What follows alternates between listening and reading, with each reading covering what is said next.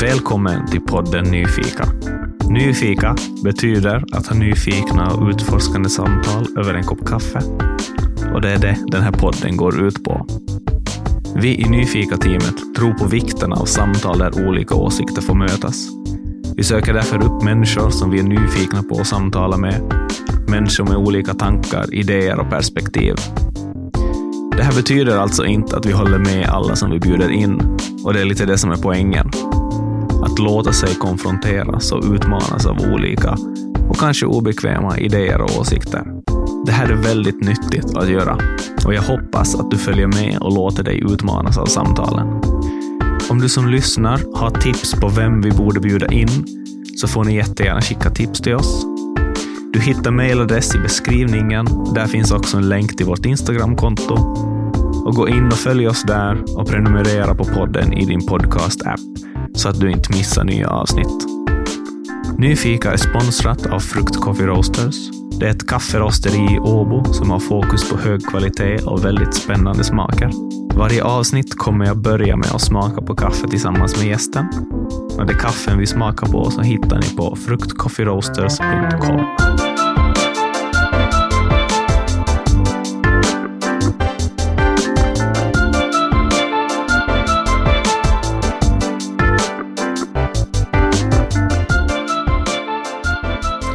Dagens gäst är Jannik Svensson. Du är fellow poddare, samtalsaktivist och före detta alkoholist. Eller alkoholist. Jag kommer alltid att vara alkoholist. Right. Uh, mycket kul att du är här. Tack. Ser fram emot det här samtalet. Välkommen, välkommen till Åland. Tack. Och jag ser fram emot att smaka på kaffe med dig. För du nämnde om att du också är lite av en kaffefantast. Absolut. Jag älskar specialkaffe.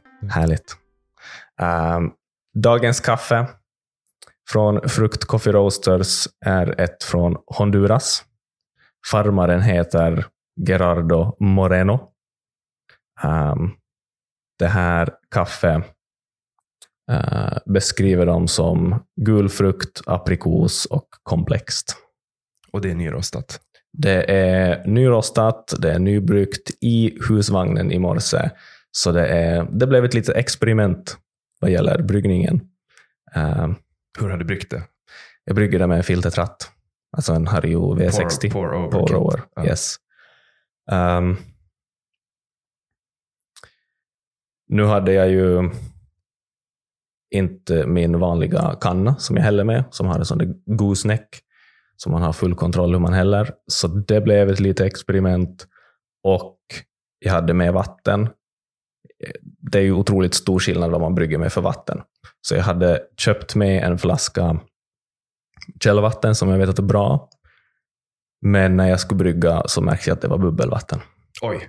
Så det blev åländskt Så vatten? nu blev det åländskt vatten. Jag tror nog att åländskt vatten duger. Jag hoppas det. Jag har ingen aning, men eh, vi smakar. Det var väldigt länge sedan jag drack ett bra specialkaffe. Det här var ett väldigt bra specialkaffe. Det är härligt. Det, det blir alltid lite varmt i kroppen när jag känner en riktigt, riktigt god smak på tungan från, från kaffe. Så nu är jag, nu är jag riktigt, riktigt satisfied. Mm. Så nu är vi liksom, vi börjar på topp. Exakt. När jag, när jag bodde i Stockholm så drack jag kaffe från, eh, från ett uh, rosteri i, i Tyresö. Mhm. Um, kafferosteriet Koppar. Eh, och right. då kan man beställa hem veckobrev. Eh, Yes. Så kommer det kaffe varje vecka. Så att jag hade nya smaker varje Mm. vecka. Det och det var bästa tiden i livet. Grymt. Vi hade en eh, kaffe-julkalender eh, i lägenheten i Åbo. Um, eh, just från Sverige. Så, så bland annat det där kopparrosteriet fick vi en del kaffen från. Um, jag och min, min campis Mia som sitter här. Mm. Um, ja, alltså det, det är otroligt ro, roligt att få testa på olika kaffen. Uh, Det, blir, det är lite som, jag kan ju inte dricka vin längre av förekommande anledning. mm. Och då får man ju, då får man ju vända sig till det man kan eh, i smakupplevelser. Right. Och, det, är- och det är liksom kaffe. Jo, men otroligt tacksamt då, eh, för hela den här specialkaffeindustrin riktar ju sig mot att gå mera mot att bli likt vinindustrin i, i att eh, ta fram spännande smaker. Och, Men sen tar det också ett litet tag. Det är en liten resa man behöver gå på för att lära sig Mm. uppskatta ett specialkaffe. För att det, det Definitivt. smakar ju inte så jättemycket om du jämför med, med juhlamocka som du köper i butiken. Eh, det, är, Mm. det är lite mer distant smak. Och, Det kan vara. För de Ah. rostar ju dem väldigt hårt, de här kommersiella kaffen. Right, men nu är ju juhlamocka ändå väldigt ljusrostat också. Ja, men jag bara tog ett exempel på ett Jo. finskt kaffe. Jag skulle ha sagt Bali om vi var i Sverige. Exakt. Jo, jo, men de svenska mörkrostade kaffena har ju en ordentlig punch då man dricker dem. Mm. Uh, De är ju helt sönderbrända. jo, ofta. Uh, Kanske vi ska kalla svenskt kaffe för brända bönor istället för kaffe. Bränd Mm. bönduk. alltså, jag, jag dricker ju ändå mörkrostat kaffe också. Så att jag är inte riktigt med på den. Jag, jag dricker grön president. Det är min favoritkaffe. Ouch. Mm. Det är många som reagerar på det, men det är, när, när jag väljer själv så är det grön president. Men jag tror att det är för att jag har bott i Sverige så länge. Okej. Är det ungefär som att säga att jag, att jag röker eh, gröna Norti? Eh, Jag röker ingenting, så jag har ingen aning. Nej, inte jag heller, men det, det finns ju den här Nortikraks-grejerna som Eh, folk Jag är totalt obekant Okej. inför någonting som har med det. Jag, jag har rökt ett och ett halvt bloss i mitt liv. Um, det räckte. Ja, nej, det fanns ju finska cigaretter och du vet ju hur, du vet ju hur man är i Finland. Eh, de hette North State, de var mycket korta, de hade inga filter och det är de starkaste cigaretterna som man kunde få tag på. Jag tror nog att de, de narkotikaklassades vid något tillfälle för att det var så hög nikotinhalt. Så blir det när Finland gör. Åh, Finland, okej. Go home Finland, you're drunk. Åh. Om vi frångår kaffet. Eh,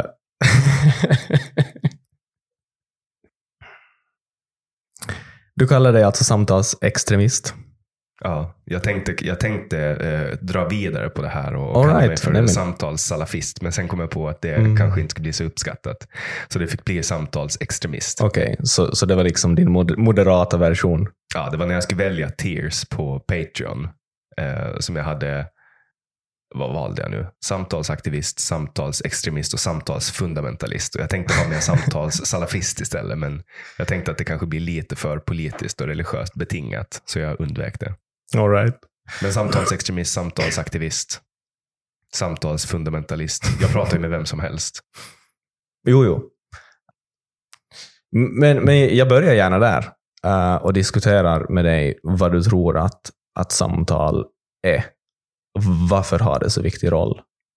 Samtalet är ju fundamentet i kommunikationen mellan människor. Ehm, Det finns ju flera olika sätt att kommunicera, varav det viktigaste enligt mig är debatt, nej, men, eh, samtal. Men sen finns också debatt eh, och det är någonting helt annorlunda. Ehm, och det är det som vi ser ganska mycket av idag i samhället. Det är det som till exempel en radiointervju eller en tidningsintervju eller eh, whatever, det är ju nästan alltid debatt. Eh, Mm. och tv, det är liksom fyra minuters debatter mellan politiker som övar in punchlines. Men det är väldigt sällan som man går in i ett, i ett samtal och verkligen lyssnar på den andra och försöker att inte bemöta den. Och det märkte jag i början när jag började podda, att det var svårt att inte bemöta folk, det de sa. För att jag träffar ju folk som jag inte håller med om. Ehm, och, och då ville jag gå in och, och liksom hugga och säga att nej men du har fel. Men i ett samtal då får man vara tyst och lyssna tills människan är klar och kanske inte bemöta dem överhuvudtaget. Och det är väl det som är Mm. skillnaden. Att, att man går nyfiket in och försöker förstå vad en människa har att säga. Mm. Jag intervjuade en nazist i, i Almedalen ehm, för ett år sedan. Och, och då var det, det var extremt svårt att inte gå in och liksom mm, försöka övertyga honom att, att han är ute och seglar. Liksom. Men, men då fick jag verkligen anstränga mig för att ta in det han säger och försöka förstå hans världsbild. Eh, och även om jag nu beträdde hans världsbild ett tag och lyssnade på honom när han drog sin plädering om ehm, att den vita rasen ska leva i harmoni med naturen och hit och dit så var det inte farligt. Jag blev inte nazist av det. Jag blev inte radikaliserad av det. Men kollar man på hur, hur medier runt om i Skandinavien bemöter nazister så är det man skriver väldigt, väldigt mycket om den här lilla, lilla gruppen extremister. Mm. Men det är ingen som sätter sig ner och lyssnar på dem.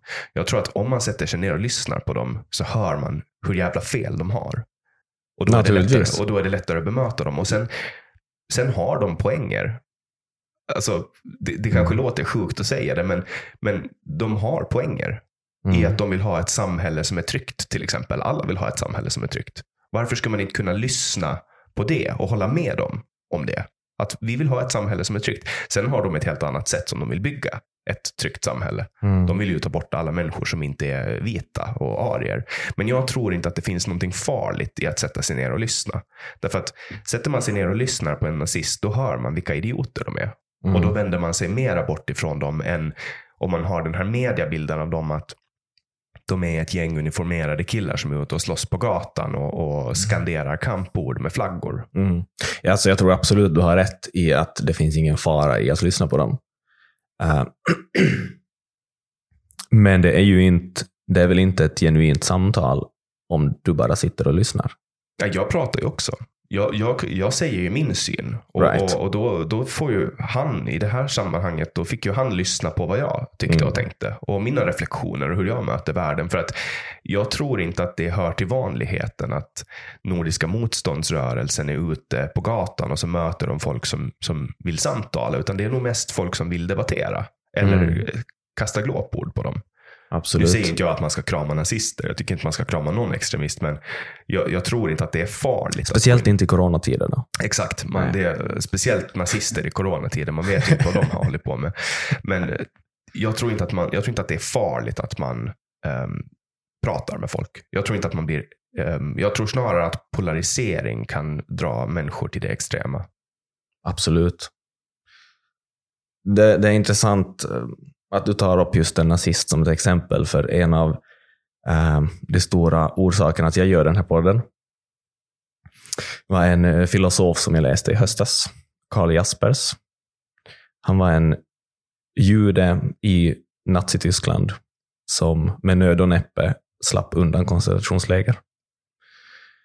Efteråt, efter kriget, så var han med och startade upp eh, något universitet där han, um, där han höll ett tal som finns publicerat med i, i boken The Question of German Guilt, som jag läste då. I den här, eh, det här talet så påpekar han vikten av att vi ska, måste samtala med varandra. Och han ser det som enda vägen landet kan på något sätt helas efter den tragedi som har skett. Och han påpekar att där finns eh, sådana människor som, som har upplevt det så jätteolika. Det finns de som, eh, som just och just har undgått att bli dödade och torterade. Det finns de som, som har stött regimen och just upplevt ett vansinnigt nederlag. Men de hör till samma folk och de måste kunna enas på något sätt. Och han, eh, han säger att, att den enda ja, men, vägen framåt är att vi söker upp folk som har olika åsikter och samtalar med dem. Um, och det här blev en ganska, gjorde ett ganska starkt intryck på mig. Och jag, mm, det här var ju, jag lyssnade mycket på, på Navid Modiris Hur kan vi? Då så jag skickade ett meddelande åt honom. Uh, bara ett, en quote av den här filosofen. Um, och, och efter det så, så började jag drömma om att göra en egen podd i, där jag är då, i Svensk Finland. Mm. Det var ju så det började för mig också. I princip, alltså inte exakt samma, men jag var på en, en jag var på ett live-event med Hur kan vi? Och efter det så när jag kände på hur, alltså den här magin från att det satt människor på scenen som verkligen inte höll med varandra och samtala. Människor som har rykt ihop offentligt i Sverige. Eh, och då kände jag att jag ville göra samma sak fast på Åland. Men nu har jag liksom tagit det vidare till Sverige, så nu är jag egentligen bara Navid Modiris lilla bihang som återanvänder hans gäster. ja, men du hittar ju egna gäster också. Ja, vi- vissa. Ja, Men snart kommer han säkert återanvända dem också. right. Vi får se. Ja, men det blir... Det, spännande att se vad, vad det utvecklas till. Och det här är ju en idé som sprider sig eh, och modifieras. Mm. Jag har ju modifierat den till, det, till den punkt att jag inte längre försöker hålla min bias hemlig. Jag är helt öppen med vad jag tycker. Jo, absolut. I början försökte jag ju vara Okej. neutral, men det gick Right. inte. Det var skitsvårt. Jo. Eh, jag tror att det finns en eh, fälla i att man pratar om öppna samtal. Eh, för åtminstone för mig ger det en bild av att jag på något vis då, just som du, som du säger, måste dölja min bias eh, och bara ska vara öppen inför den andras idéer. Mm, så därför har jag inte, pratar jag inte om den här podden som öppna samtal, utan just nyfikna samtal. Och för mig skiftar det lite perspektiv. Att då kan jag gå in um, med hela mitt bagage, men ändå vara nyfiken på den andra. Eh, jag vet inte, det här är kanske bara i mitt huvud, men, men det blir ett annat perspektiv, åtminstone för mig. Mm. Men det är ju otroligt utmanande.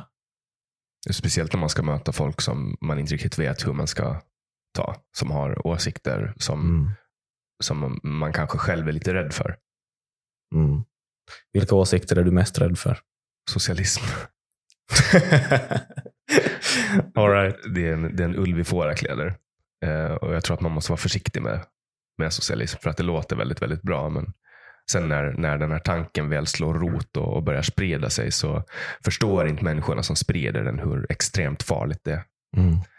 Eh, och det är väl det som är skillnaden om man jämför det med andra extrema ideologier. Att folk på något sätt köper den här, folk brukar gå runt och säga, upp, alltså, upprepa den här klyschan om att ja, kommunism är en bra tanke men det funkar inte i praktiken. Jag vet inte hur många gånger jag har hört den sägas av människor som heller inte förstår vad kommunism eller socialism är. Uh, nu snarkar min hund lite i bakgrunden. Han är också med här på ett hörn. Stoffe. Jo, nej, men so- socialism är en tanke som, som skrämmer mig därför att folk förstår inte i, i magen att det är fel. Mm. Det gör folk med nazism när, när folk säger att ja, men vi, ska, vi ska göra oss av med alla människor som inte är vita och har blond, blont hår och blå ögon. Men när man säger nej, men alla ska ha, ha det lika, alla ska ha samma sak, då förstår inte folk att det som krävs är att man stoppar in järnspett i magen på alla människor som är rika och produktiva. Man förstör hela nationers ekonomi, eh, kraschar sönder dem, förslavar människor, dödar åsiktsmotståndare, eh, inför diktatur, inför övervakning. Folk förstår inte att det här kommer med socialism. Även om man tittar på historien så ser man att det här händer, det här sker. Mm. Men då kommer folk och bara, "Ja, men vi har gjort fel. Och sen också att folk kan gå runt med hammaren och skäran eh, Mm. och, och, och helt öppet och sen blir de upprörda när någon har ett hakkors. När kommunismen faktiskt har, har eh, dödat fler människor än, än någon annan fascistoidisk totalitär ideologi någonsin. Mm. Så det skrämmer mig att gå in i ett samtal med en socialist. För att de är så omedvetna om att det de sprider är, är farligt. Det är samhällsstörtande Mm. och det är farligt. Menar du att nazisterna du har pratat med har varit medvetna om att det de sprider är farligt? Alltså ur deras perspektiv så är ju det, det de gör är ju en god gärning. För de, de har ju hängt upp sig på att judarna är roten till allt det onda. På samma sätt som att socialisterna har hängt upp sig på att, att kapitalet och kapitalismen är roten till det onda. Men för att få en socialism att fungera så behövs kapitalism. Det är därför som Kuba till exempel ständigt håller koll på den svarta marknaden. Mm. Även om den, eh, och de nyttjar den och de, och de eh, stimulerar den också genom att skicka ut saker på svarta marknaden. Men, men jag, jag, tror att, eh, jag tror inte att någon människa vill vara ond. Alltså jag, jag, jag tror inte att nazisterna känner när de vaknar på morgonen, idag ska jag gå ut och vara lite ond. Jag tror att de på riktigt tror att samhället skulle vara bättre om de fick bort Absolut, det här absolut. Imaginära helt säkert. Absolut.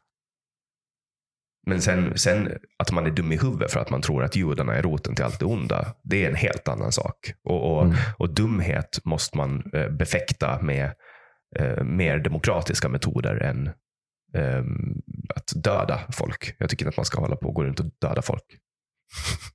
Nej, det låter ju liksom på något sätt ändå självklart när du säger det.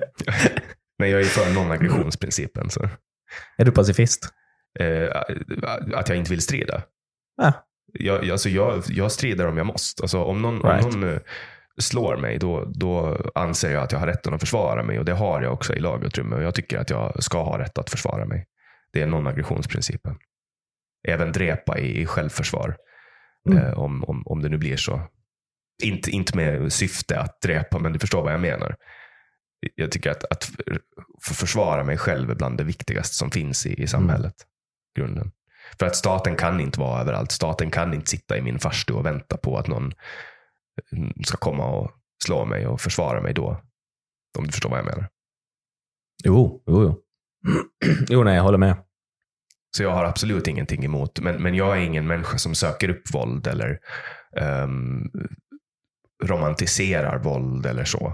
Och jag sitter inte på en skjutbana och skjuter eller går på en MMA-klubb och, och så. Jag skulle nog vara ganska dålig om, om jag hamnar i en sån situation att jag behövde försvara mig. Men jag skulle försvara mig. Mm. Jag är ingen våldsvägrare på det sättet. Nej. Jag återgår gärna till att prata lite mer om samtalet. Ehm, främst för att, för att jag tror att jag vill sätta ord på mer av vad jag tänker och bollar det med någon. För mig grundar sig en stor del av mm, det här att jag ser samtalet som något jätteviktigt och, eh, och att jag har lärt mig att jag inte behöver vara rädd för, för att gå in i, i samtal eller, eller studera andra tänkesätt. Kommer från min, min tro. Ja, min, min kristna tro. Där finns ett, ett bibelställe som snurrar i mitt huvud ganska ofta. På engelska av någon orsak. You will know the truth and the truth will set you free. Och för mig så betyder det här både på ett typ så här metafysiskt eh, religiöst plan att jag tror att man kan lära känna sanningen som person. Um, och Det betyder att jag föreställer mig att jag tror att då jag hör någon ny åsikt så resonerar det med den sanning jag känner, eller så resonerar det inte med den sanning jag känner. Jag tror att, att man, kan, man kan ju gå runt och ha fel och då känner man det i magen. Det var ungefär som, Ja, det är ungefär det jag tror. då. ja, det är som den största delen av min politiska karriär har jag varit extremt politiskt korrekt. För att jag trodde att det var det som förväntades av mig. Mm. Jag trodde att om jag skulle säga det jag egentligen hade i mig och de tankar och funderingar jag egentligen hade så skulle inte folk tycka om mig. Men jag började må så dåligt av att göra det så att till sist så, så, så brast det. Mm. Och då, och då kom jag ut som, som den jag faktiskt är. En ganska spetsig person. Jo, jag, jag, jag skrattar, uppskattar i ditt sommarprat när du avslutade med att argumentera för att public service ska läggas ner. Det var, det var slukt gjort. Tack. Jag hoppas ju att det, att det finns. Du fick ju lyssna på det i förhand. Mm. Och nu återstår att se om public service faktiskt sänder den delen. Okej. Så det är lite spännande. Så du vet inte det i det här skedet? Inte, inte riktigt ännu, för att eh, det sänds ju faktiskt just nu när vi sitter och pratar Mhm. i inspelande stund. Vi får se då. Um, Nu kanske jag fuckar upp din kronologi här. Med, oh, nej, nej, nej, kör på det. för jag det vet ju inte när du kommer att skicka ut det här samtalet. Nej, det blir ungefär tre veckor efter att vi spelar in det nu. Men vi, då kommer, du, du kan, om det är så att de har censurerat så kan du lägga in en edit i början på samtalet. Kan, absolut. För det blir ju sensationellt i sådana fall. Jag sitter ju nästan, nästan, nästan och hoppas lite på att bli censurerad av public service. Right. Vi får se vad som händer. Jo, men så, så den här synen på, på samtal, eller på att känna sanningen, um, så har gjort för mig att jag har varit otroligt nyfiken på att lära, lära mig olika idéer. Jag brukar kolla på dokumentärer om alla möjliga absurda åsikter, eller vad som helst. Jag tror att ganska många är rädda att ta till sig nya idéer för att man blir rädd att man kanske ska ändra åsikt. Eller rädd att om inte jag bara håller fast i det här som jag nu tror så bara kan jag bli helt vilsen och börja tro på vad som helst. Uh, men jag känner ju mig så pass trygg så att jag, går ju, jag, jag är inte rädd för att det ska hända. Och om jag då ändrar åsikt i någon fråga eller gällande någonting, så då, då har man ju vuxit. Då har man ju gjort en, gått igenom en utveckling det blir en del av processen. liksom. Ja, Och sen kunna, kunna stå upp för det faktum också att man har bytt åsikt. Många tror ju att det kan vara skam. Men, men jag, Mm. jag kopplar det mera till att, att man är människa. mm. men bara den processen kan ju vara ganska smärtsamt. Absolut. Ganska Men- men- känslomässig. Eh, Men du vet ju hur det är när man lyckas övertyga någon om... Alltså när man, när man med den vetenskapliga metoden lyckas lägga fram saker på ett sånt sätt så att det tilltalar en människa att gå över till den andra sidan och lämna en åsikt bakom sig. Det är som att se någon ömsa skinn och så växer de. Och så får man vara en del av den processen. Det är också det som är lite fint med politik. Den lilla fina delen som finns. Resten är ju nästan bara bråk. Det är det som är problemet med, med socialister i, i största allmänhet. Att de, eh, det går ju inte att förändra dem. Men jag har sett eh, exempel på det faktiskt. Folk som har övergett sekten. Sekten socialism. Ja. Ja. En av, av de orsaker som, som också driver mig att göra den här podden så är att där finns eh, någon slags nyfikenhet inför vad som faktiskt händer i ett samtal när man låter olika åsikter mötas och kollidera. Um, om, om, om jag tar både min, min tro på allvar och de filosofer som inspirerar mig, så blir ju det här någonting jättespännande. Om det här kan vara sättet som Nazityskland, eller vi ska säga efter Nazityskland, land, som att landet kunde gå vidare och kunde helas på något sätt. Um, så det här är ju en otroligt spännande sak att utforska. Så, så hela, hela podden blir ju för mig ett slags experiment att se vad som egentligen händer i sådana samtal. Vad har du för reflektioner på det? Um, jag tänker ju direkt att, att man ser symptom av det här fortfarande idag i Tyskland och i Sverige för den delen. Um, många pratar ju, pratar ju om, om den här skuldfrågan som Tyskland känner Mm. och att det är därför man agerar på ett visst sätt i vissa situationer. Till exempel att eh, den politiska korrektheten är väldigt stark. Åsiktskorridoren är väldigt trång i Tyskland. Folk pratar också om att det har gjort att Tyskland, alltså att den här skulden har gjort att Tyskland har tagit emot flera flyktingar än andra länder. Att det är på något sätt undermedveten, eh, att man försöker göra upp med, att man försöker göra upp. Och Sverige har ju gjort lite samma sak. Och läser man Aron Flams numera omslagscensurerade bok så, så går ju han igenom den svenska skulden när det kommer till kriget. Och Sverige har ju också en speciell kultur när det kommer till just politisk korrekthet eller åsiktskorridoren. Um, det, man, det är väldigt starkt reglerat i Ehm, samhället vad man får säga. Inte, inte officiellt reglerat, men, men man får liksom social bestraffning om man, om man går utanför normen och tycker annorlunda. Så att jag, jag tror ju att, att det här kanske inte riktigt har funkat. Samtalet har inte funkat så bra som det går. Och därför tror jag att den här formen av aktivism som, som du och jag och Navid Modiri och många andra. Eh, Joe Rogan är ju gudfadern till alla samtalspoddar. Mm. Jag tror att den formen av aktivism är nödvändig. Mm. Eh, och att man, att man behöver liksom ta vid facklan och sprida samtalet. Eh, och jag märker det när jag är ute bland folk, att folk brukar sö- söka upp mig och vill samtala. Ehm, och, och jag märker även det när jag rör mig. Jag har rört mig ganska mycket i, inom socialistiska kretsar på Facebook. eh, för att jag vill hela tiden exponera mig för det som jag förut har isolerat mig ifrån. Mm. Och det har att göra med att jag vill aldrig glömma var jag står politiskt. För att om jag bara hänger bland folk som, som reflekterar mig politiskt, då, då, då kommer den här polariseringen att fortsätta växa. Och det är där jag tror att samtalet hjälper folk. Att samtalet blir som en brygga över till den andra sidan. Absolut.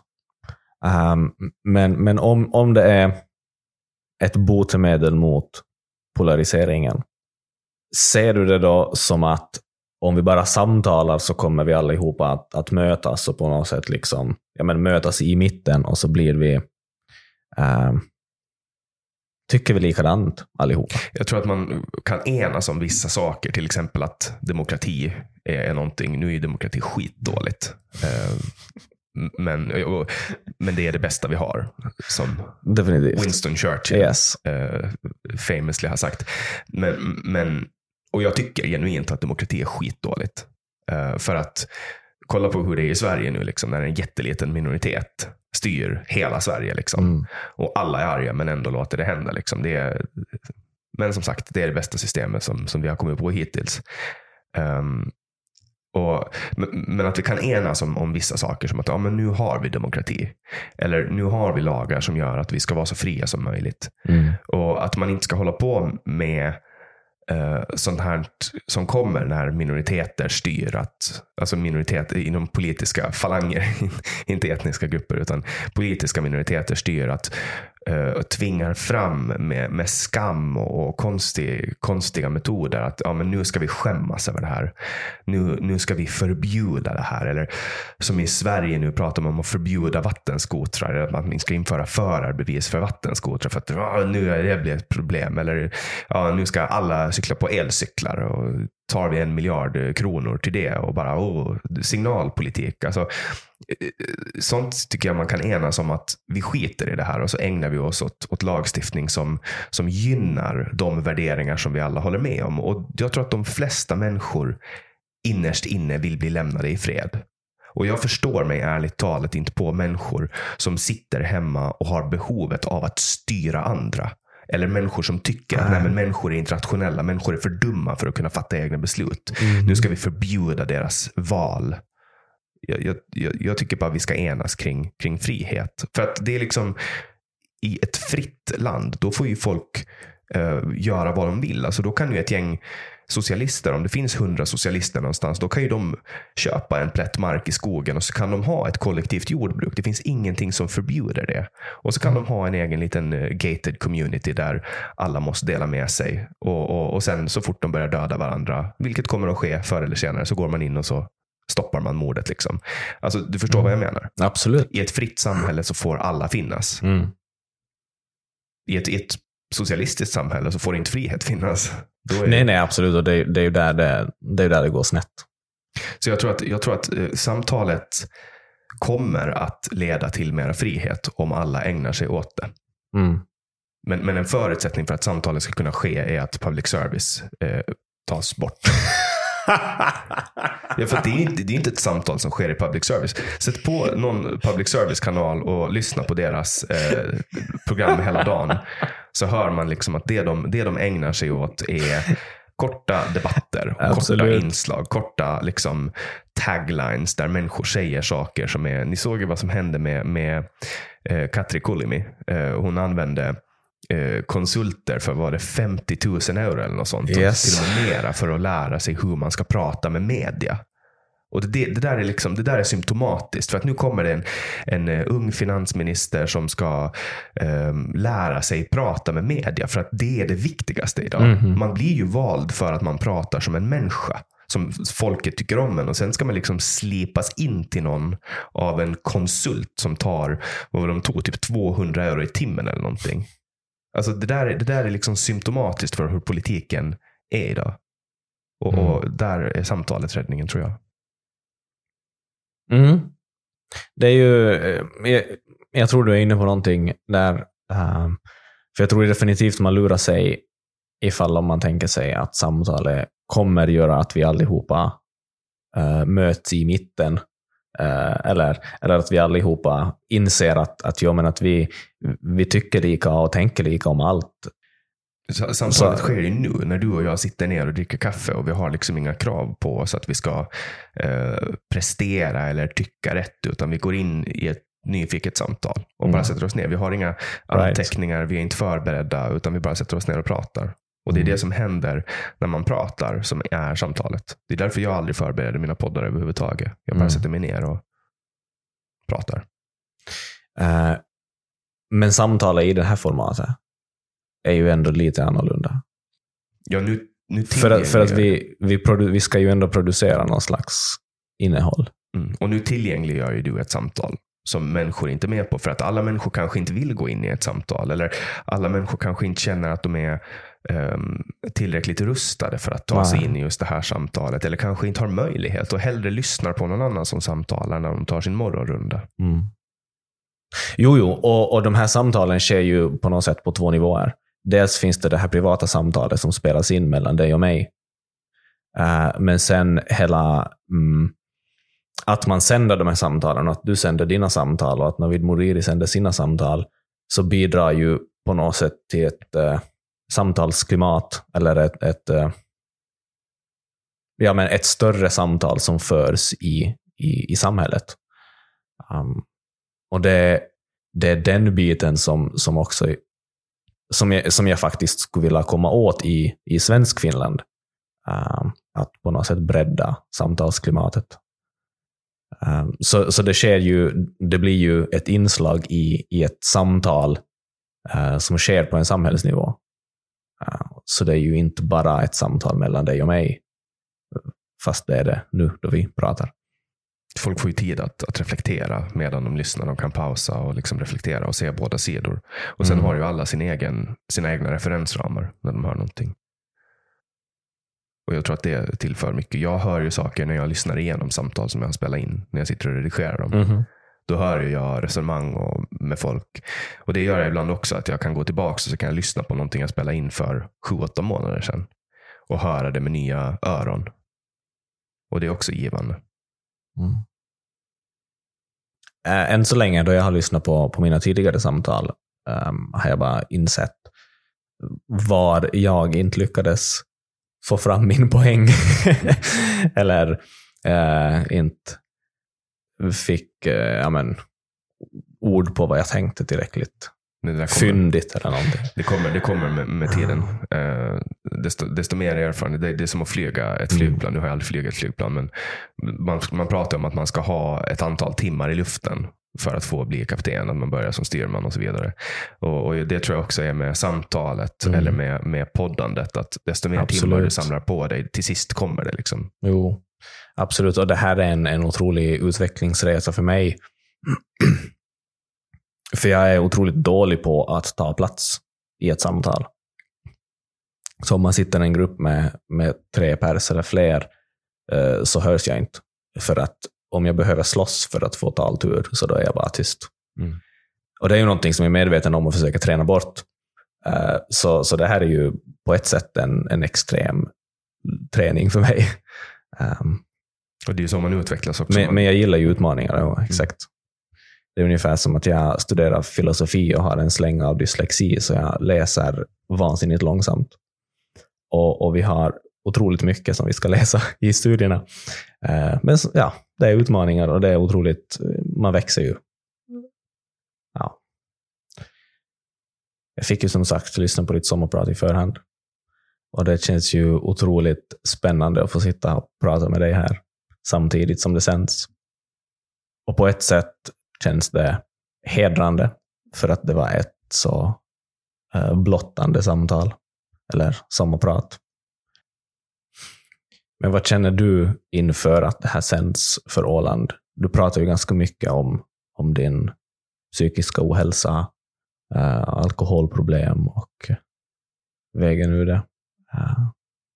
det, är ju, det är nervöst, för nu vet ju inte jag vad som händer nej. Jag känner att min telefon håller på att vibrera. Eh, Och jag vet att det är saker som händer. För att det jag pratade om var ju liksom saker som, som är tabu. Man ska inte prata om man, man ska inte prata om bipolär sjukdom. Det, Mm. För då blir man stämplad. Och det har jag visserligen redan blivit. Men det är första gången som jag går ut och pratar om min beroendesjukdom. Mm. Um, fram tills idag, den 20 juli 2020, så har jag hållit det hemligt. Um, jag har varit anonym. De i min omgivning har vetat om det, men jag har aldrig berättat till folk egentligen varför jag har slutat dricka. Utan jag har bara sagt att nej, men det, jag tar en medicin eller jag kör eller jag är en ren Mm. levnadsmänniska eller så. Men nu, nu kommer jag att få brottas med det som jag ofta får möta, att folk förstår inte alkoholism. Folk förstår liksom inte att när, när jag får alkohol i min kropp så, så tappar jag kontrollen. Mm. Det blir mer än en. Jag kan inte stå emot det. Det är som en allergi. Mm. Och sen en besatthet också. Att jag tror, även om jag vet att jag inte kan dricka, så, så lurar jag mig själv att jag kommer att kunna göra det. Och, och Jag fick kämpa med det här ända tills jag kom in i tolvstegsrörelsen där jag fick lära mig att det finns bara en enda drink man behöver undvika och det är den första. Mm. Och därför har jag gjort det nu i det blir fyra år i vinter. Så jag är lite rädd faktiskt, nervös. Jag brukar inte vara nervös, men jag är lite nervös vad jag ska få jag förstår det. Det är ju, det är ju ja, Jag kommer, jag kan, blottande på ett ja, jag annat kan sätt. inte göra det här ogjort. Nej, exakt. det kommer inte att göra det lättare för mig att få ett jobb nu, till exempel. Tror du det? Ja, statistiskt sett så tar Ja. de, de flesta eh, som är bipolära dör före de är 40. Och eh, statistiskt sett så ehm, tar de flesta alkoholister återfall vid något tillfälle. Eh, Mm. Så att jag har ju siffrorna emot mig, om man säger så. Eh, plus att jag är ersättare i Ålands lagting. Så om regeringen faller så då blir jag inkallad på direktverkan. Så att det är inte lätt för mig att, att få ett jobb eh, innan jag gick ut med det här. Men nu speciellt så tror jag nog att det kommer att bli lite svårare. Mm. Ehm, men jag kommer börja studera istället nu till hösten. Okej. Ska du studera i Stockholm då? Ja, jag ska göra klart gymnasiet. Jag har försökt i ett år och, och få de sista kurserna gjorda. Men nu, nu, tar, jag, nu tar jag ett krafttag och, och, och gör klart det på en folkhögskola i Sverige och med sikte på faktiskt filosofistudier vid Stockholms universitet. Okej. För jag, Kul. vet, jag vet fortfarande inte vad jag vill bli när jag blir stor, men jag vill lära mig använda eh, min hjärna mer. Ja, Så att det låter bra. Ja. Uh, det är ju, det om någonting är ju på något sätt kontroversiellt, har jag upplevt, att man studerar inte för att få ett yrke. Uh, en jättevanlig fråga är ju att vad studerar du till? Som jag får i alla fall. Jag vet inte om det här är Österbotten eller... Um, Det finns ju en viss, det finns ju fördomar mot filosofistudenter. Definitivt. Eh, Men, men också bara fördomar ja, men mot att man studerar någonting, um, någonting värdelöst. Alltså som inte ger ett, ett direkt värde i ett eh, färdigt yrke. Mm. Så att man får sig ett riktigt jobb. Ja, men, men det är ju det som är grejen också med, med filosofi. Att jag tror att de flesta som studerar filosofi vill gå. Det, här, det, är en, det handlar ju om, om personlig och intellektuell utveckling. Eh, och varför, varför måste man gå in i ett yrke när man kan lära sig hur man använder sin, sin hjärna och hur man resonerar, och hur man tänker och hur man sätter sig in i olika tankar och, och sen kan man skapa ett yrke. Eller så kan man ta ett yrke. Alltså, det måste ju inte vara någonting som är fördefinierat av samhället, tänker jag. Jag, har ju bara, jag gör ju bara liksom jag började jobba som nyhetsreporter utan utbildning och sen har jag börjat göra annonser och så har jag lärt mig hur man gör annonser av människor som kan det och sen har jag liksom det kallas för alltså det, det, det är ju copycat. Mm. Ehm, man, man, man kopierar någonting som är framgångsrikt helt enkelt. Och alla människor kan kopiera någonting som är framgångsrikt. Det är så här, om man lär, lär sig hur man lagar ett avloppssystem så kan man jobba som rörmokare. Man behöver inte sitta i en skola, kanske om du ska ha några speciella papper eller intyg eller våtrumscertifikat för att lägga plattor i ett badrum och så vidare. Men, men, men vilken människa som helst får ju försvara sig själv i rätten till exempel utan att behöva vara jurist och kanske gör det jättebra.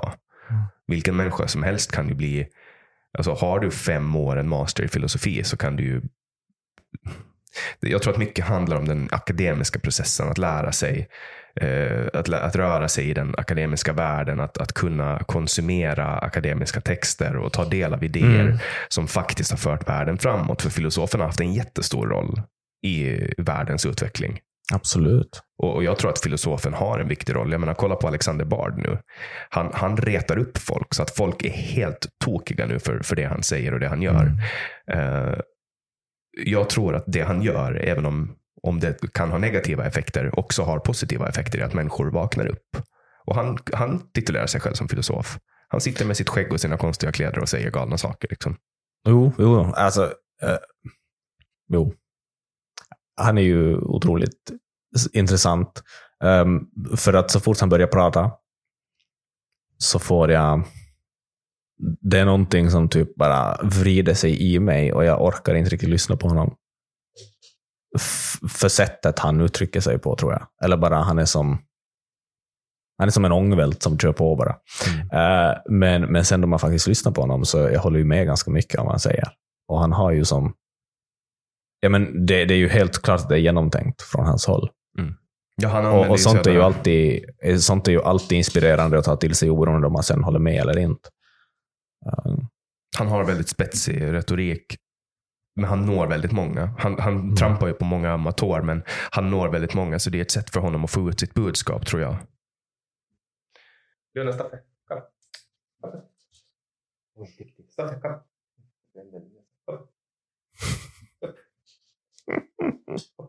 Bra. Gå och lägg dig. Det blir mycket att redigera sen. ja, Jag, brukar, jag försöker minimera redigeringen Mm. genom att inte... Jag bara Inte ha med hundar. Eh, Det också, men jag bara tar med, jag tar med allt. Alltså, Ja. det tar för länge att redigera, men sen blir man ju snabbare och snabbare och snabbare också. Jo, jo, det är en träningssak. Eh, Jag tänker ju också att jag blir bättre på att eh, föra samtalen så att det inte behöver redigeras. Men, eh, Latheten kommer att ta över. Fast du har ju en timme, så det, blir ju, det är ju hälften av det jobb jag har. mm. Jag har ju två timmar. har, ja, lite, lite lättare har jag. Hälften så lätt. Eller dubbelt så lätt. Dubbelt så lätt. Ja. Mm. Hälften så svårt, dubbelt så lätt. Typ. Men tillbaka till ditt uh, sommarprat.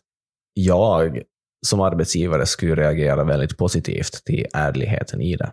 Men du är ju också filosofstudent. Jag är ju också inte som alla andra. Men jag tänker, jag tänker mig att en arbetsgivare borde ju vara... Man borde ju se det som en positiv sak, att någon är medveten om sina brister och faktiskt har uttalat det och, eh, och helt öppet jobba på det, snarare än att anställa någon som på ytan ser perfekt ut, men vem sjutton är perfekt? Eh, så då finns det ju, alltså jag har lättare att, jag har lättare att lita på någon som dig än att lita på någon som inte visar någonting, inte visar brister överhuvudtaget. Jag befarar att du är minoritet, men man är sin egen lyckas smed. Men Stoffe Luna kom nu. Stoffe, upp. Upp. Gå och lägg dig. Gå och lägg dig. Gå och lägg dig. Upp. Nu har vi en konflikt. Gå och lägg dig. Hördu. Envis rackare. Ja, jag har inte tid med honom nu. Förlåt. Ingen fara. De brukar vara helt stilla. Mhm. Men de har, de har inte fått springa nu på före. Så. Men om de, om de är sådana där tröstehundar som känner på sig att nu är det någonting som händer med att ditt sommarprat sänds och, och du är lite nervös. Och, så det är kanske därför. De kanske sympati när de kanske... Jag tror att de bara är så här, vi har inte fått brottas på gräsmattan ännu. Så här, vi vill Ah. nu. De brukar Dagens brottningsmatch. Ja, de Ah. brukar brottas och, och ha springtävling och lite sånt. Och sen, sen ligger de ner. Men de brukar i två timmar ligga helt stilla. Men inte idag. ja. Men jag lovar att de... Du får börja ha videopodd snart så att man får se om de ligger stilla. Ja, ja, det blir så jävla mycket jobb. Usch. Ja, det är ju det.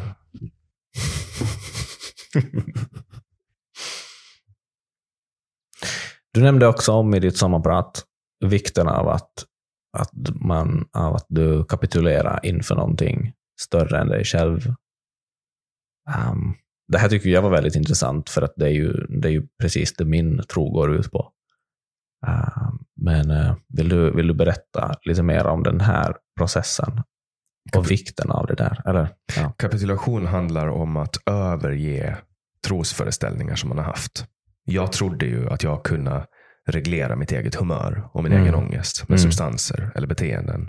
Jag trodde att jag kunde fortsätta försöka kontrollera allting runt om mig. Försöka ställa allting på rätt. Allting på bordet måste vara helt perfekt. Allting i lägenheten måste vara helt perfekt. Och jag tänkte att bara jag får det här så kommer allting att bli perfekt. Bara jag får det här jobbet, bara jag får den här erkännandet, bara jag får den här tjejen, bara jag får så här mycket pengar så kommer allting att bli perfekt. Eller bara jag blir Mm. lite smalare.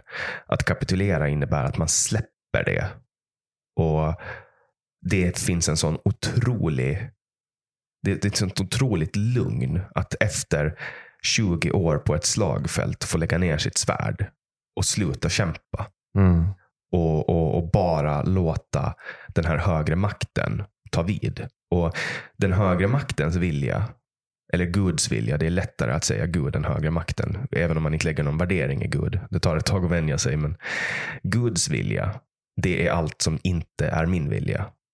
Man kan säga världens vilja istället för Guds vilja eller universums vilja. Så att det som jag vill, det är min vilja. Och det som världen vill, det är världens vilja. Att kapitulera handlar om att kapitulera inför världens vilja. Och ett bra exempel på det handlar om när jag hade varit nykter i ett år så hade jag varit och tala på ett, eh, ett lite större möte på kvällen. Så Mm. kom jag hem eh, till min lägenhet i Stockholm och så ska jag gå och sätta min telefon på laddning. Och jag brukar ha telefonen borta, ganska långt borta från mig, att jag inte ska trycka på snusknappen på morgonen. Eh, Så jag hade den vid köksbordet. Eh, Och så ska jag koppla den i laddning och det var mörkt. Och så välte jag ett halvliter glas med vatten. Och det for ut över golvet. Och jag var så här, åh, fan också. Och så ska jag vända mig om för att hämta en handduk och börja torka upp det. Så vände jag ut, välte jag ut ett till glas som stod där. Mm. Och jag bara, men för helvete. Och så liksom satte jag mig ner och så torkade jag upp det här och så la jag handdukarna i tvättkorgen och så la jag mig ner i sängen och så började jag fundera, men vänta nu. Hur reagerar jag på den här situationen? Och min, jag vet ju att hela mitt liv, det här var alltså 2018, januari 2018. Hela mitt liv hade jag gått runt och, um, och i sådana här situationer hade jag, jag hade slagit näven allt vad jag orkade i väggen så att min knoge skulle börja blöda. Jag hade skrikit högt och så hade jag skrivit någonting hatiskt på Facebook. Men Mm. nu istället så var det bara, jag skakade på axlarna, torkade upp det och så gick jag och la mig. Och det är att acceptera världens vilja, eller Guds vilja, eller universums vilja, eller vad man än vill kalla den här högre makten. Istället för min vilja, vilket var att glasen skulle stå kvar på bordet. Men nu blev det inte så. Då har jag två val. Ska jag sätta mig ner och bli arg över det, min vilja, eller ska jag bara låta det gå, Guds Mm. vilja? Och då, det är en kapitulation och kapitulera får man göra varje dag. Eh, Det är ingenting som man gör en gång. Eh, Men efter att ha gjort det första gången, då, då förstod jag hur skönt det var att kapitulera. Mm. Men kapitulera kan man bara göra när det här fönstret öppnar sig, the window of opportunity, när man inser, när man liksom får distans och ser att ens eget beteende har satt en i en dålig situation. Och då, då har man chansen att kapitulera. Men det fönstret stäng, stäng, stängs ganska snabbt. Jag hade tur att jag träffade en, en kille eh, som var i ungefär min ålder som hade ungefär liknande erfarenheter som kunde förmedla det här budskapet till mig. Mm. Mm, eh, Men alltså vänta nu. Att kapitulera kan man bara göra under vissa omständigheter? eh, första gången man kapitulerar, tror jag. Alltså för att inse eh, hur skönt det är att kapitulera. För många Mm. gånger så handlar ju att, att kapitulera handlar ju om att erkänna att man har fel. Mm.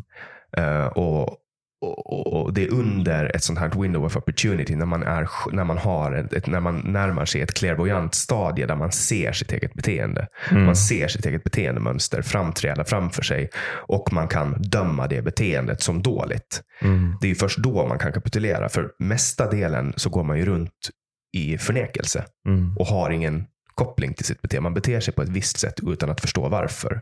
Och det är väldigt symptomatiskt för beroendesjukdomen eller alkoholismen, vad man Mm. väljer att kalla det. I en eh, kristen världsbild där man ju ser Gud som en väldigt personlig entitet så sker ju den här kapitulationen i och med att man möter honom. Mm. För om man möter Gud så inser man sin egen brist. Uh, kanske på ett liknande sätt. Blir väldigt medveten om sina egna brister och hur liten man är som människa. Vilket leder till en liknande kapitulation. Jag, jag försöker bara liksom tolka det du säger. uh, jag tycker den där grejen är väldigt intressant. Uh, men vad, vad föreställer du dig att du kapitulerar inför? Ja, i början så valde jag universum som min högre makt. Och då är det universums vilja. Sen har jag med tiden börjat komma att kalla eh, det här för Gud. Eftersom Gud, det är tre bokstäver. att säga Gud och det är ett universellt ord som alla förstår. Mm. Men, men för att kunna ta in Gud inom citationstecken i sitt liv så måste man välja man måste välja sin Gud först. Vissa väljer Gud enligt Koranen. Vissa eh, väljer Gud enligt Tora. Visst heter judarnas skrift Tora? Mm. Eh, och vissa eh, väljer Gud enligt Bibeln. Men andra väljer Gud helt själv. I Jamaica de har ju eh, någon Mm. rastafari-gud som det enda han gör är att röka cannabis. Och sen finns det massa konstiga gudar runt om i världen. Jag tror inte att det spelar så stor roll vem man väljer. Huvudsaken är att man väljer någonting som inte är en själv. Mm. Och, och då får ju eh, Gud den, den betydelse man tillskriver den. Men jag, jag tycker att på ett rationellt plan så är det ganska, ganska rimligt för mig att ha en tro i och med att jag har lider av ångest. Eh, Och det finns studier som har indikerat på att folk som är troende har mindre ångest. Och Mm. jag försöker ju sträva efter att uppleva så lite smärta som möjligt i livet. Och de saker som ger mig mindre ångest, till exempel träning eller att ha hund eh, eller att äta vettigt. De sakerna ehm, strävar jag efter och därför är det också eftersträvansvärt för mig att, att ha en tro i livet. Mm. Jag tänker också eh, den Gud man väljer, som du säger. Det är ju egentligen, alltså ja, det man kapitulerar inför, det blir ju ens Gud. Mm. Och oberoende om man tänker i de termerna eller inte, så kan ju då mm, pengar bli ens Gud, eller mm, liksom whatever, allt som, som har makt att styra ens liv. Mm. Um, eh, men så ur det perspektivet så, så skulle ju inte jag kunna säga att det inte spelar någon roll vad man väljer för Gud. För att man kan ju välja otroligt destruktiva Man, man, ja, alltså man kan ju välja en religion som är destruktiv, som har en eh, moralisk kodbok som är klandervärd. Och det finns eh, Right, men, men det är ju också destruktivt om, om du har pengar som din Gud. Ja, alltså allting som, som inte är en god eh, kraft. Det är, det, är också det Exakt. som är tanken när man väljer en gud. Det finns ju också vissa, tror jag, för att man ska göra det på ett sunt sätt, så ska man välja, man ska definiera en kraft som är god och som Mm. vill ens bästa. Eh, jag, tror, jag tror att, bara, jag tror att, att, vara, alltså att, att ha en tro handlar om att eh, leva i världen på ett sätt där vi inte förstår saker. Vi behöver ha någon form av Gud som inte vi förstår. Alltså, jag tror att det är ett, Absolut. ett sätt för människan att överleva och hålla sig Mm. på något sätt rimlig. Och för mig, jag struntar i vad det är som, som varför det funkar.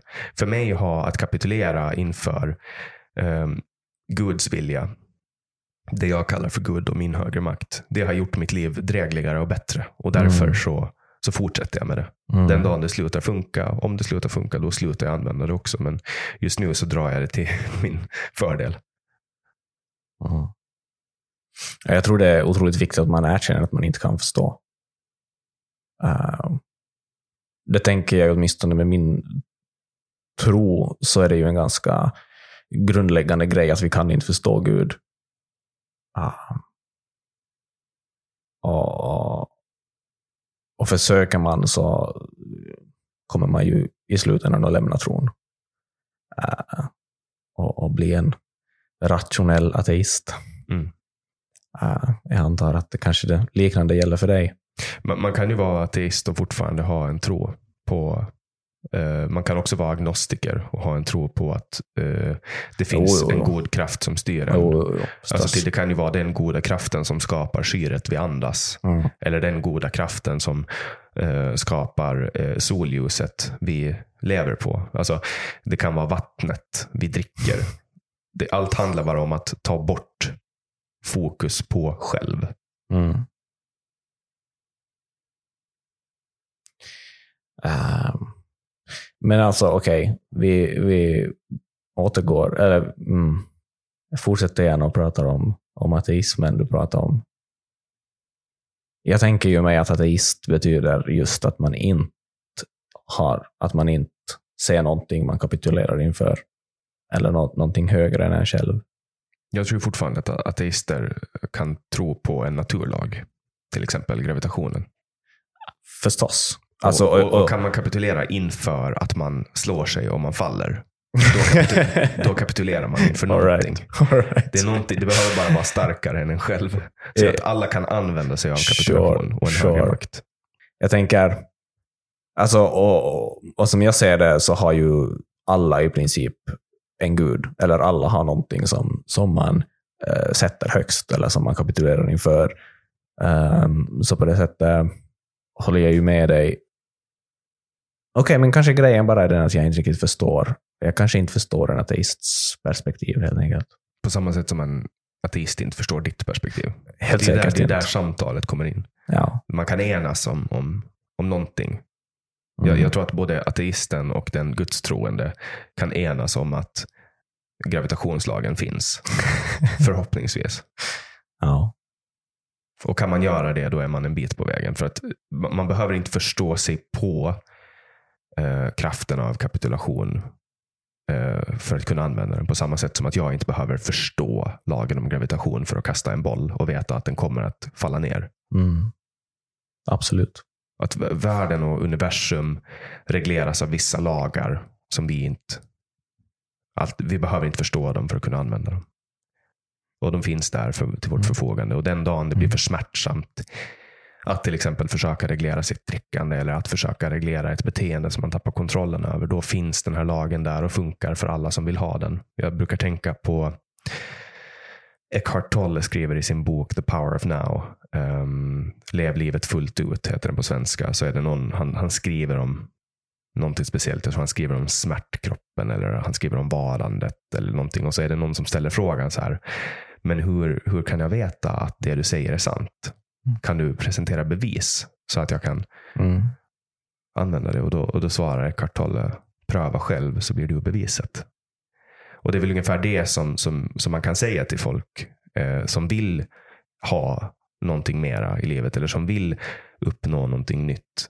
Att vill du ha det jag har fått genom min kapitulation inför en högre makt som är för mig löst definierat som universum så kan alla människor få det om de prövar själv. Mm. För om man gör det, då får man det. Mm. Och enda sättet enda sättet skulle- att veta det är, att man prövar. Absolut. Jag skulle säga precis samma sak om, om min tro. Men det, det krävs en viss smärta. För alltså, Det krävs så pass mycket smärta att det övergår gränsen för vad man är beredd att pröva. Jag behövde ju extremt mycket smärta i mitt liv förrän jag gav upp mina trosföreställningar om att jag kunde styra allting, Mm. kontrollera allting och reglera allting själv med alkohol och Mm. narkotikaklassade mediciner. Men nu behöver jag inte det längre. Nej. Jag tror eh, att man kan bli lika nedslagen på samma sätt genom att genom att faktiskt personligen möta universums eh, skapare. eh, att det blir en lika kraftig grej. Och, och det här är ju förstås den, vad den kristna tron bottnar i. eh, men att just att det är det som blir den här kapitulationen. Människor Äh, tenderar ju att vända sig till den religion som finns tillgänglig. Att når man sin botten i Israel så är det ganska stor sannolikhet att man blir jude. Når man sin botten i Saudiarabien så är det ganska Mm. stor sannolikhet att man blir muslim. Mm. Når man sin botten i Finland så är det ganska stor sannolikhet att man blir protestant. Det är liksom, det brukar vara så. Det som finns tillgängligt. Men sen Mm. finns det som, som, sådana som absolut motsäger sig religion. För att religion och tro är två helt olika saker. Jag håller helt med. Men du får gärna utveckla. religion eh, handlar ju mer om att eh, styra människor Mm. på eh, att följa en viss moralisk kod. Men man använder tron och den styrka som tro kan ge som Mm. fundament för att skapa den här organisationen. Medan tro bara är någonting som är helt personligt. Mm. Absolut. Man behöver inte tro på allting som står i Bibeln. Man behöver inte tro på, för att vara kristen. Man behöver inte tro på eller följa eller leva budorden för att vara kristen. Man behöver inte eh, äta halal för att vara muslim. Man kan, man kan tro, alltså, de, tron och religionen går inte alltid hand i hand. Men religionen tar gärna patent på tron. Mm. Absolut. Och Det är det som har skett. Och det är det som leder till den instabilitet vi ser i världen idag. För de Mm. flesta krig som pågår eh, tyvärr pågår på grund av religion. Eller nu vet inte jag om det är så. Nej, det där tror jag krig. inte är sant. Nej, men många krig i alla fall. nu jag mig om någonting vet. religion har ju kanske ofta använts eh, som en ursäkt. Mm. Och, och som en otroligt effektiv grej att få med sig krigare och, och få med sig folk Inom religion finns ju i också det man vill politik. göra. Definitivt. Och det är där som Ja. problemen kommer. Jo, jo, men, men, men, men motivationen till krig har ju inte varit eh, religiösa eller haft med religionen att göra. Jag tänker att de politiska system som, som skapas i kölvattnet av Mm. religion skapar konflikter. Jag Absolut. menar, kolla på den ständiga, ständigt pågående konflikten nere i Mellanöstern. Mm. Den är väldigt mycket religiöst betingad. Alltså Israel-Palestina-konflikten, den är religiöst betingad. Absolut, absolut. Eh, vänta, det var, det var någonting du sa tidigare. Hmm, vad var det du sa tidigare? Ja du, det beror på vad du tänker på. Ja, men i, med skillnaden mellan tro och religion. Så jag är inne på väldigt liknande spår. Där, där religion handlar just om, om allt som har med kontroll att göra. Eh, religion handlar om ett eh, system som människor bygger upp kring sin tro för att kontrollera folk eller för att eh, få till någon slags eh, artificiell gemenskap eller för att bygga någonting själv. Ehm, um, medan tron inte överhuvudtaget fungerar på samma sätt. Eh, eller har någonting med, med de där kontrollerande omständigheterna att göra. Tron är ju bara en, en komponent i, i religionen. Och religionen använder tron som, Som verktyg. ja, Ja, för att tro Eh, är ju sen- det starkaste som, som finns. absolut. Det är det som driver människor. Det man tror på, de idéerna man tror på. Absolut, absolut. Det gör ju det. Eh, och det är klart att kan man använda det här till, en, till sin fördel till att få styra folk så det blir otroligt effektivt. Men samtidigt så tror jag ju att, att tro är någonting jag köper inte helt och hållet biten av att tro bara är någonting personligt och som man typ håller för sig själv. För jag tror att det är otroligt viktigt att dela det med andra. Och speciellt en, en, eh, en kristen tro går ju jättelångt ut på just att man lever tillsammans med andra kristna och nöts tillsammans med dem. Och det gör ju skillnaden kanske ännu lite svårare att faktiskt få fingret på mellan tro och, och ett religiöst system. Så jag reagerar alltid lite på när folk säger att ja, men, liksom just gör skillnad på, på religion och, och tro, och där tro blir bara en personlig sak. Jag tror att religion ska vara personlig. Medan tro kan ju vara så mycket annat. Alltså, tro kan, Mm. kan ju vara tron på hoppet om ett liv efter döden. Eller tron på eh, varför man finns på jorden. Eller vad Mm. det är som styr. Alltså, den, den har, tro är, är liksom ehm, det du andas och det du gör. Medan reli- religion är en eh, klump av regler och moraliska värderingar Mm. och en historia om världen som du köper och använder. Och Jag tycker inte att man ska gå runt och sprida sin religion till folk. Däremot Nej, kan man nej. prata om sin tro och sitt hopp. Och det, är det, Absolut. det är det jag väljer att göra. Därför sätter jag inte ord Definitivt. på min, på min gud. Eh, utan jag låter det vara universum. Allt som finns. Allt som Mm. existerar. Summan av allt som finns. Fast det finns ju ingen motsättning i att gå runt och dela sin tro, fast man sätter ett ord på det. Nej, Nej men och det, och det är därför jag använder någonting som är allinkluderande. Det vill säga Mm. universum. Det, det inkluderar ju allt som vi vet. Det finns ju ingenting utanför universum, antar jag. Det beror ju lite på vad du menar med universum då. Ja, nej, allt, allt som vi är i. Det är där vi finns. Allt. Right. Det börjar kanske vara dags att avrunda här. Dina hundar snarkar. De behöver komma ut och brottas lite. Va? Tack för att du var med. Det Tack så mycket. varit grymt roligt att prata med dig. Och eh, spännande att se nu vad som händer med ditt sommarprat. Det ska bli spännande. Tack så jättemycket. Tack. Tack för att du har lyssnat. Jag heter Jakob Hjortman och jag hoppas att du följer med i nästa samtal.